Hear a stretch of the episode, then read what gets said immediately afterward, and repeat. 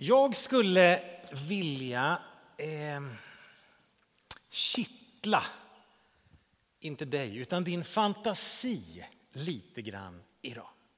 Men eftersom det är kyrkan så kanske det handlar om att väcka din tro lite grann, är bättre språk för detta. Och eh, jag skulle vilja måla en drömbild av kyrkan. Och för dig som är med mycket här i kyrkan, någonstans bara få liksom elda på det som redan brinner. Bara yes, kom igen, vi kör. För dig som är med, kanske inte så mycket, skulle jag vilja blåsa lite grann på ändå den glöd som finns. Och för dig som kanske är ganska ny här eller första gången eller bara med några gånger, försöka måla upp vad kyrka kan vara när det är som bäst. Och kyrkan, vad är kyrka för något? Ja, men kyrka det är alltså församling, det är, det är Guds initiativ. Det är inte människans påhitt utan det är Guds initiativ. Jesus säger i Matteus evangeliet att jag ska bygga min kyrka.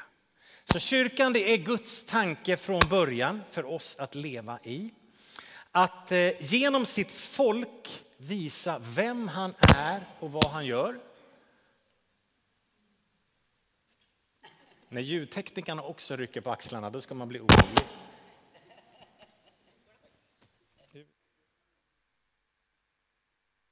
Prövar en stund till. Församlingen, där visar Gud vem han är och hur vi ska liksom leva för att gestalta honom. Vi är hans händer och fötter här på jorden. Eh, kyrkan består av människor som är förlåtna. Det är på något sätt, det konstituerar kyrkan. Vad är det för folk? Jo, det är människor som är förlåtna av Gud. Det är inte, det, det är inte intresse, det är inte ålder, det är inte liksom olika, utan det är människor som har vänt sig till Gud och sagt Herre, förlåt mig, jag behöver dig. Bam! Det är vad kyrka är för slags människor. Och den här Alltså på något sätt mötet med Gud som älskar och förlåter, det är väldigt, väldigt nära och personligt. Det kan vara en 11-åring som upptäcker att Gud finns här för mig. Det är väldigt, väldigt personligt, men det är inte privat. Utan den här tron är tänkt att den delar vi med varandra. Det är kyrka. Det är Guds initiativ, det är Guds folk där han visar vem han är. Består av förlåtna människor som lever i det här tillsammans. Det är på något sätt vad kyrka är väldigt, väldigt kort. Och jag vill kittla din fantasi lite grann, måla en dröm om vad kyrka kan vara utifrån rubriken Tänk om. Tänk om. Det här kan ju vara lite så här när man är barn. Man säger, Åh, tänk om man hade superkrafter. Tänk om man kunde flyga. Eller så växer man upp och tänker, tänk om jag kunde bli proffs i Liverpool. Har vi några Liverpool-fans här? Eller om man, tänk om jag vann 100 miljoner och kunde köpa en Ferrari eller tre. Tänk om! Och sen så när man kommer upp i livet så sänker man ribban till tänk om jag kunde få en semestervecka till. Och så småningom är det tänk om jag inte hade så ont i knäna när jag vaknade. Så man sänker lite grann eh, den här målbilden. Eh, men det kan vara lite grann den här, nästan, inte verklighetsfrämmande, men någon slags bild man bara, tänk om. Men i det här uttrycket så kan vi också lägga in att tänka om. Alltså att byta mitt sätt att tänka och koppla ihop de här. För att det kanske är någonting med drömbilden som gör att jag behöver tänka om. Drömmen om församlingen. Tänk om. Jag tänker det här är ingenting som bara gäller barn som ska leva med olika drömmar framåt utan det här gäller för oss var och en. Och om vi lägger den här tanken här liksom på församling, på Guds kyrka så kanske det gör någonting med oss. Och vi ska stanna upp vid en bibeltext som är i kyrkans barndom. Den första församlingen. Det är strax efter pingstdagen när anden har kommit över alla människor där i kyrkan. Och eh, då kanske du tänker så här. Ja, men det är ju det som är grejen, det är att anden ska falla, då löser sig allt. Liksom. Det är bara det, då. Men det står väldigt mycket i den här texten om deras hjärtan, deras inställning. Det står inte så mycket om under och tecken och Guds kraft i den här texten vi ska läsa, utan mer om hjärta och vilja. Vi läser från Apostlagärningarna kapitel 2, vers 42 och några verser framåt. De höll troget fast vid apostlarnas undervisning, vid gemenskapen, brödsbrytelsen och bönerna. Varje själ greps av bävan och många under och tecken gjordes genom apostlarna. Alla de troende var tillsammans, hade allt gemensamt, började sälja sina egendomar och ägodelar och delade ut till alla var efter vars och ens behov. Varje dag var de troget och enigt tillsammans i templet och i hemmen bröt de bröd och delade måltid med varandra i jublande innerlig glädje. De prisade Gud och var omtyckta av hela folket och Herren ökade var dag skaran med dem som blev frälsta. Du ska få fyra drömmar här. Tänk om alla älskade varandra och var rädda om varandra. För vi läste vad då? De höll fast vid gemenskapen. De var tillsammans, de levde troget och enigt tillsammans. Tänk om alla på något sätt, i vår gemenskap, i det som är Pingkyrkan Trollhättan. Vi kan bara säga, tala för oss. Du som är mycket mer med lite, du som bara kopplar med oss. Tänk om vi talade gott om och till varandra. Vi levde i förlåtelse, i kärlek. Tänk om Pingkyrkan i Trollhättan var liksom den varmaste platsen man kunde komma till i den här kommunen. Inte för att temperaturen var uppställd på väldigt höga grader utan man, man kommer in och det bara slår emot en att wow, vad är det här för ställe? Här vill jag vara. Det är superenkelt att komma in och nästan omöjligt att komma därifrån för jag känner här, jag mår så bra här. Här vill jag vara. Oavsett hur livet ser ut. Tänk om. Vi är inte där.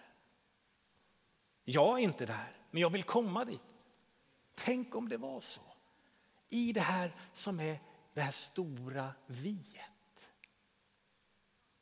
Tänk om. Och behöver jag tänka om för att vi ska komma dit? Finns det någonting som jag behöver liksom justera i hur jag ser på dig? Hur jag ser på mitt hjärta för att vi ska komma dit? Tänk om alla älskade varandra och var rädda om varandra. Ja, det vore rätt gött, eller hur? Nästa. Tänk om alla deltog hängivet i lovsången, i bönen, i gudstjänstfirandet. Det stod att de höll, eh, de, eh, höll fast vid undervisningen, brödsbrytelsen, bönerna i jublande innerlig glädje. De prisade Gud. Tänk om varje gång vi firade gudstjänst, vilken samling det än var, höll på säga, från första bänk ner till sista bänk och upp på läktaren. Ända upp till Juan där uppe. Hallå Juan! Hela vägen. Vet du, vad? man satt inte och tittade på. Man sa, Vad fint Matilda sjöng. Ja, det var en fin sång. Vet du, om det inte händer någonting i hjärtat så kvittar det hur fin sången är.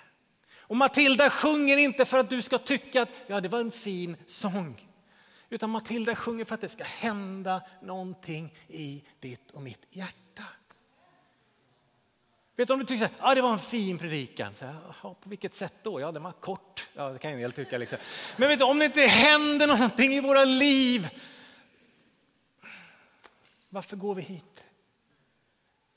Kära vän, kom inte hit och titta på. Kom inte hit och bedöm. Ja, det hyfsat betyg idag. Linnea skötte sig. Är det bra? Nej, vet du, de, de deltade liksom bara så här. Från första bänk till sista bänk så händer det någonting. Tänk om det märktes att du var en förlåten människa. Och när vi sjunger att han har liksom tagit vår synd, han har gett oss sitt liv, han älskar oss. Då händer någonting i våra liv. Pingsten brukar kallas för hänryckningens tid. Vi är inte i pingst nu utan nu är vi mer inne i den här gråa trista hösten eller vad var det Linnea? Mm. Men pingsten, hänryckningens tid, på något sätt handlar både om att det anden faller och i vår tid kanske lite mer så här försommar, det spirar och grönt och mycket bröllop och romantik i luften. Men någonstans pingsten, hänryckningens tid. Tänk om pingstens vänner Vännerna till pingsten. De som tycker så här, det här var ju fantastiskt att den helige ande kom över folket på pingsten. Wow, är jag en vän till det? Ja, då är jag en pingstvän. Tänk om pingstvännerna, det märkte så här, wow! Jag är så glad att Jesus bor i mitt liv. Jag är så tacksam att han har förlåtit mig. Tack att han fyller mig med frid och kraft och glädje. Och när vi möts så är jag bredvid ett av mina syskon och vi gläds tillsammans inför honom. Jag hade ett, ett, eh, ett, studiebesök som sitter kvar i minnet. Det är många, många år sedan.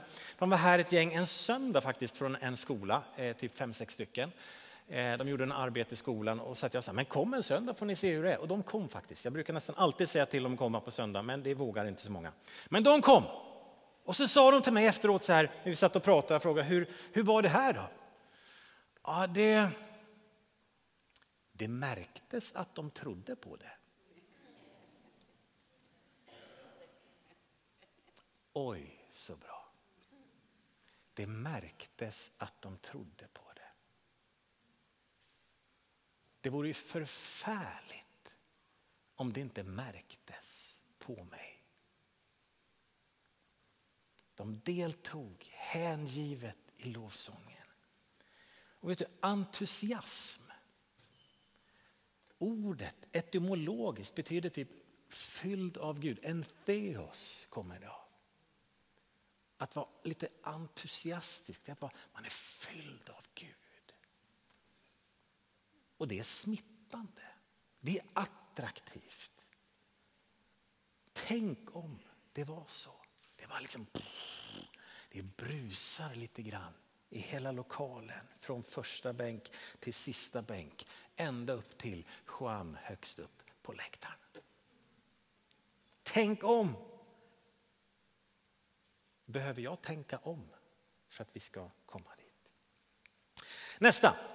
Tänk om alla var med och gav generöst. Det står att de sålde egendomar. De på något sätt räknade in allt vad de ägde, de delade ut. Det fanns ett, en givandets kultur. Tänk om vi förstod tiondegivandets välsignelser. Vi var med och gav det regelbundet och mer därtill. Där det som Linnea talade om, att givandet handlar inte bara om att vi ska få liksom räkningarna betalda. Nej, det är mycket större än så. Min tacksamhet och min tillbedjan kommer ut även där. Och jag förstod att faktiskt det jag har, det är inte mitt. Nej, är det inte ditt? Är det Brittas alltihop tänker du? Nej, det är inte hennes heller. Det tillhör min far i himmelen. För att han har köpt mig och han har betalat ett dyrt pris för mitt liv. Och jag är satt som förvaltare över det jag har. Vet du, om vi levde i det här. Ibland tänker jag att det är... Vet, det vore så enkelt på ett sätt för Guds församling att liksom ta ett steg fram i hela vårt land. Va, hur? Jo, bara genom att plocka fram så här, plånboken eller swishappen och börja ge lite mer. Varför? För att vi skulle inte behöva sälja av ett kapell. Vi skulle kunna anställa mer människor, vi skulle kunna sända ut fler missionärer. Vi skulle kunna, det skulle frigöra så mycket bara i den enkla handlingen. Vi skulle aldrig behöva ha ett kollekttal utan alla bara yes, jag är med och ger. Vi skulle kunna göra allt vi ville och behövde och dessutom kunna vara med och välsigna andra ännu mer. Vi skulle kunna ge ännu mer ut på missionsfältet där Guds rike växer. I slutet på den här gudstjänsten kommer vi ha en extra insamling till nya högtalare som vi håller på med. De här har gjort sitt för länge sedan. De går på övertid. Det skulle vi kunna betala av ganska fort om den här generositeten fanns i våra liv. Tänk om det var så. Eller behöver jag tänka om för att vi ska komma dit? Fjärde punkten. Tänk om alla hade ett öppet hjärta och ett öppet hem för nya människor. För det står att i hemmen bröt de bröd med varandra. De var omtyckta av folket och Gud ökade skaran var dag med de som blev frälsta. Tänk om det var naturligt att vi liksom regelbundet bara, men följ med hem, kom över och käka, vi tar en kaffe. Alltså hemmet, det var inte liksom mitt hem är min borg. Jag vet inte vart det kommer ifrån. Men vi har ju gjort det lite så, nu går vi hem här liksom. Uh. Men tänk om mitt hem får vara en borg, inte bara för mig och familjen utan för andra människor som behöver lite skydd i min borg.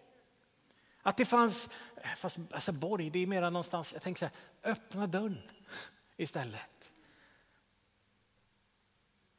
I den här gemenskapen, att vara mycket enklare, följ med hem. Ja, jag har inte städat, jag har inte lagat mat, jag har inte riktigt, det måste vara fint.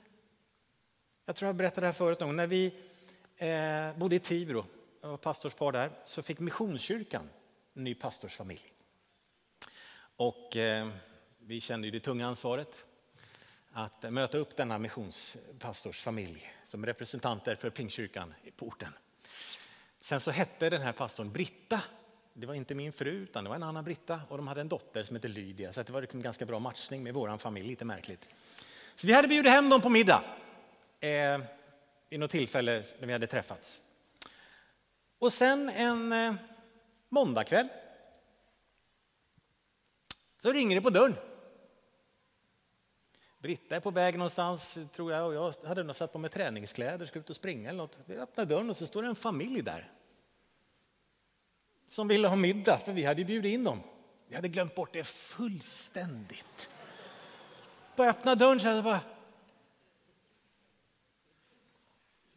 Ja,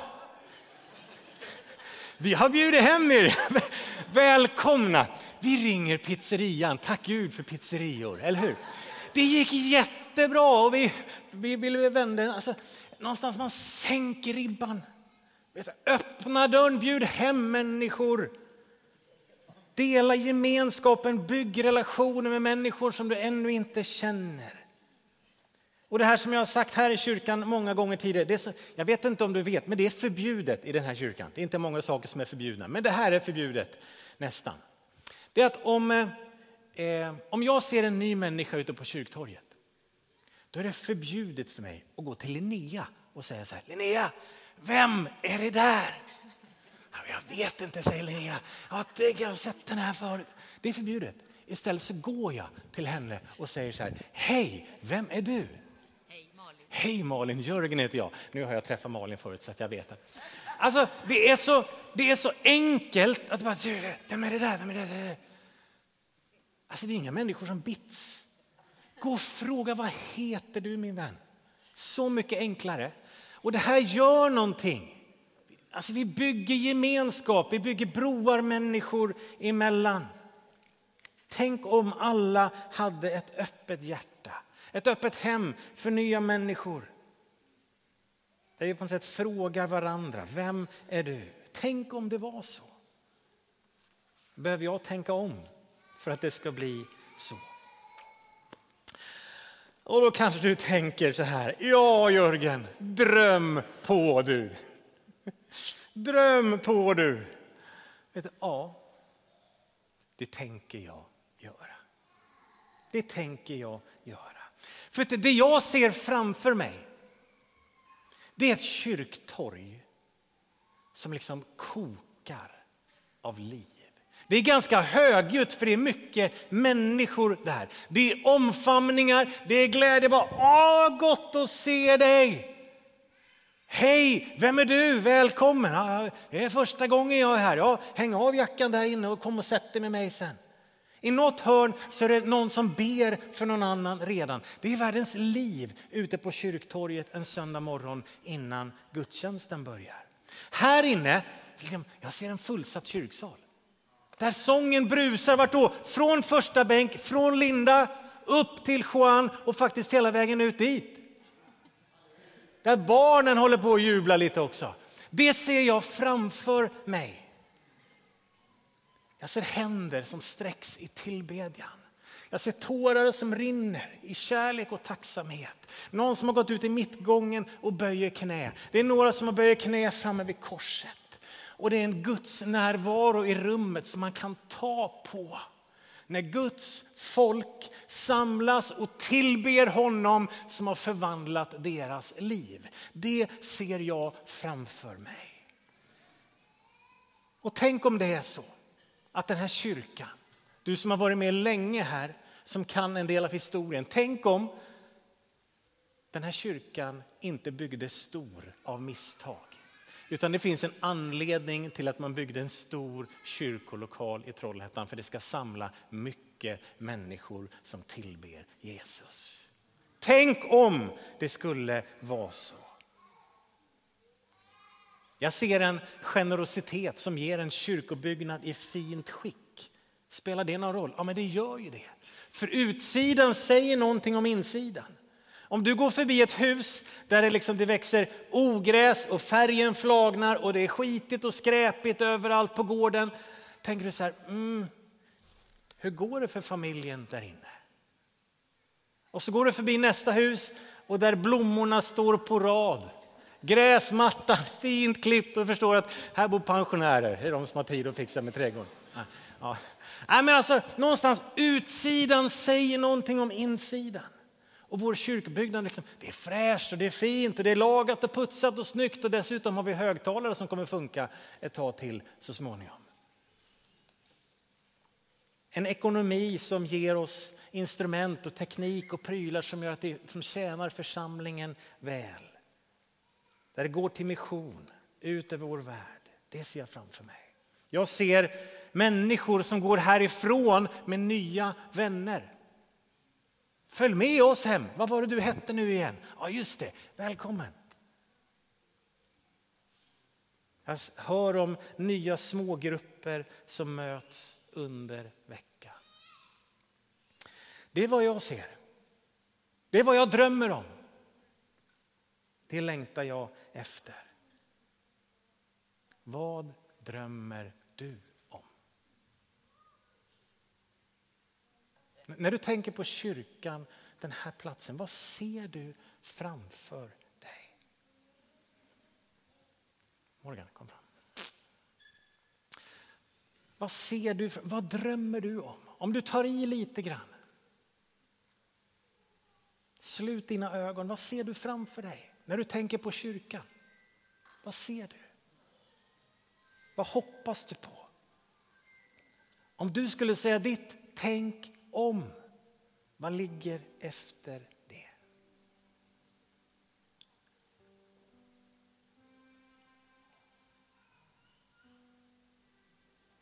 Du kanske säger, men vi har ju problem med det här. Se de här människorna. Och det här är si där och det är så där och här finns de. Och, ja, det finns svårigheter, det är ofullkomliga människor. Och med det ledarskapet vi har, hur ska det gå? Och jag tror min vän, jag tror att jag ser fler brister än vad du gör. Jag tror att jag känner till fler svagheter än vad du gör. Jag vet en hel del trasighet i det här rummet. Jag vet vilka brister som finns i ledarskapet där vi inte riktigt räcker till. Jag vet brister i föreståndaren som du inte vet. Ja, så då finns det problem. Vi räcker inte riktigt till. Nej, så är det. Och det därför drömmer jag. Och därför ber jag Gud, hjälp oss. Det är därför församlingen aldrig kan vara liksom vårt projekt som vi ska göra. Utan bönen måste vara Gud, hjälp oss. Vad drömmer du om min vän? Ja, det har, vi har problem. Vi orkar inte här, vi klarar inte här. Och här är de människorna, och han har sagt si och de har gjort så. Ja, jag vet. Jag vet. Därför så kan vi få se någonting annat. Och när vi läser en sån här text, hade de bekymmer? Ja, men det är klart de hade. Och när vi läser fortsättningen om Guds församling inom Nya Testamentet så är det enorma bekymmer. Det är bräcklighet och det är synd och det är felaktiga beslut och all, hela kartan. Men det finns någonting av det här ropet, Gud, gör någonting nytt. Hjälp mig att se någonting som du ser. Behöver jag tänka om så hjälp mig att tänka om. Förvandla mitt hjärta och min tanke och min dröm. Och vet du vad, jag tänker så att om vi går tillsammans i det här, där du och jag vi försöker göra vårt bästa att älska varandra och förlåta varandra. För att vi behöver förlåta varandra är ju för att vi inte räcker till, eller hur? Om vi var perfekta behövdes det ingen förlåtelse i kyrkan. Det är för att vi är ofullkomliga som vi behöver leva i förlåtelse. Tänk om vi kunde leva i den kärleken. Tänk om vi såg och förstod och vågade på något sätt uttrycka vår tillbedjan och lovsång och det brusade lite mer i lokalen. Tänk om. Och tänk om vi inte satt så förtvivlat hårt på våra pengar. Utan någonstans, är klart jag är med och ger. Hur kan jag välsigna min kyrka? Gud, vad kan jag göra? Tänk om. Herre, hjälp mig att se nya människor, hjälp mig att öppna mitt hem. Tänk om.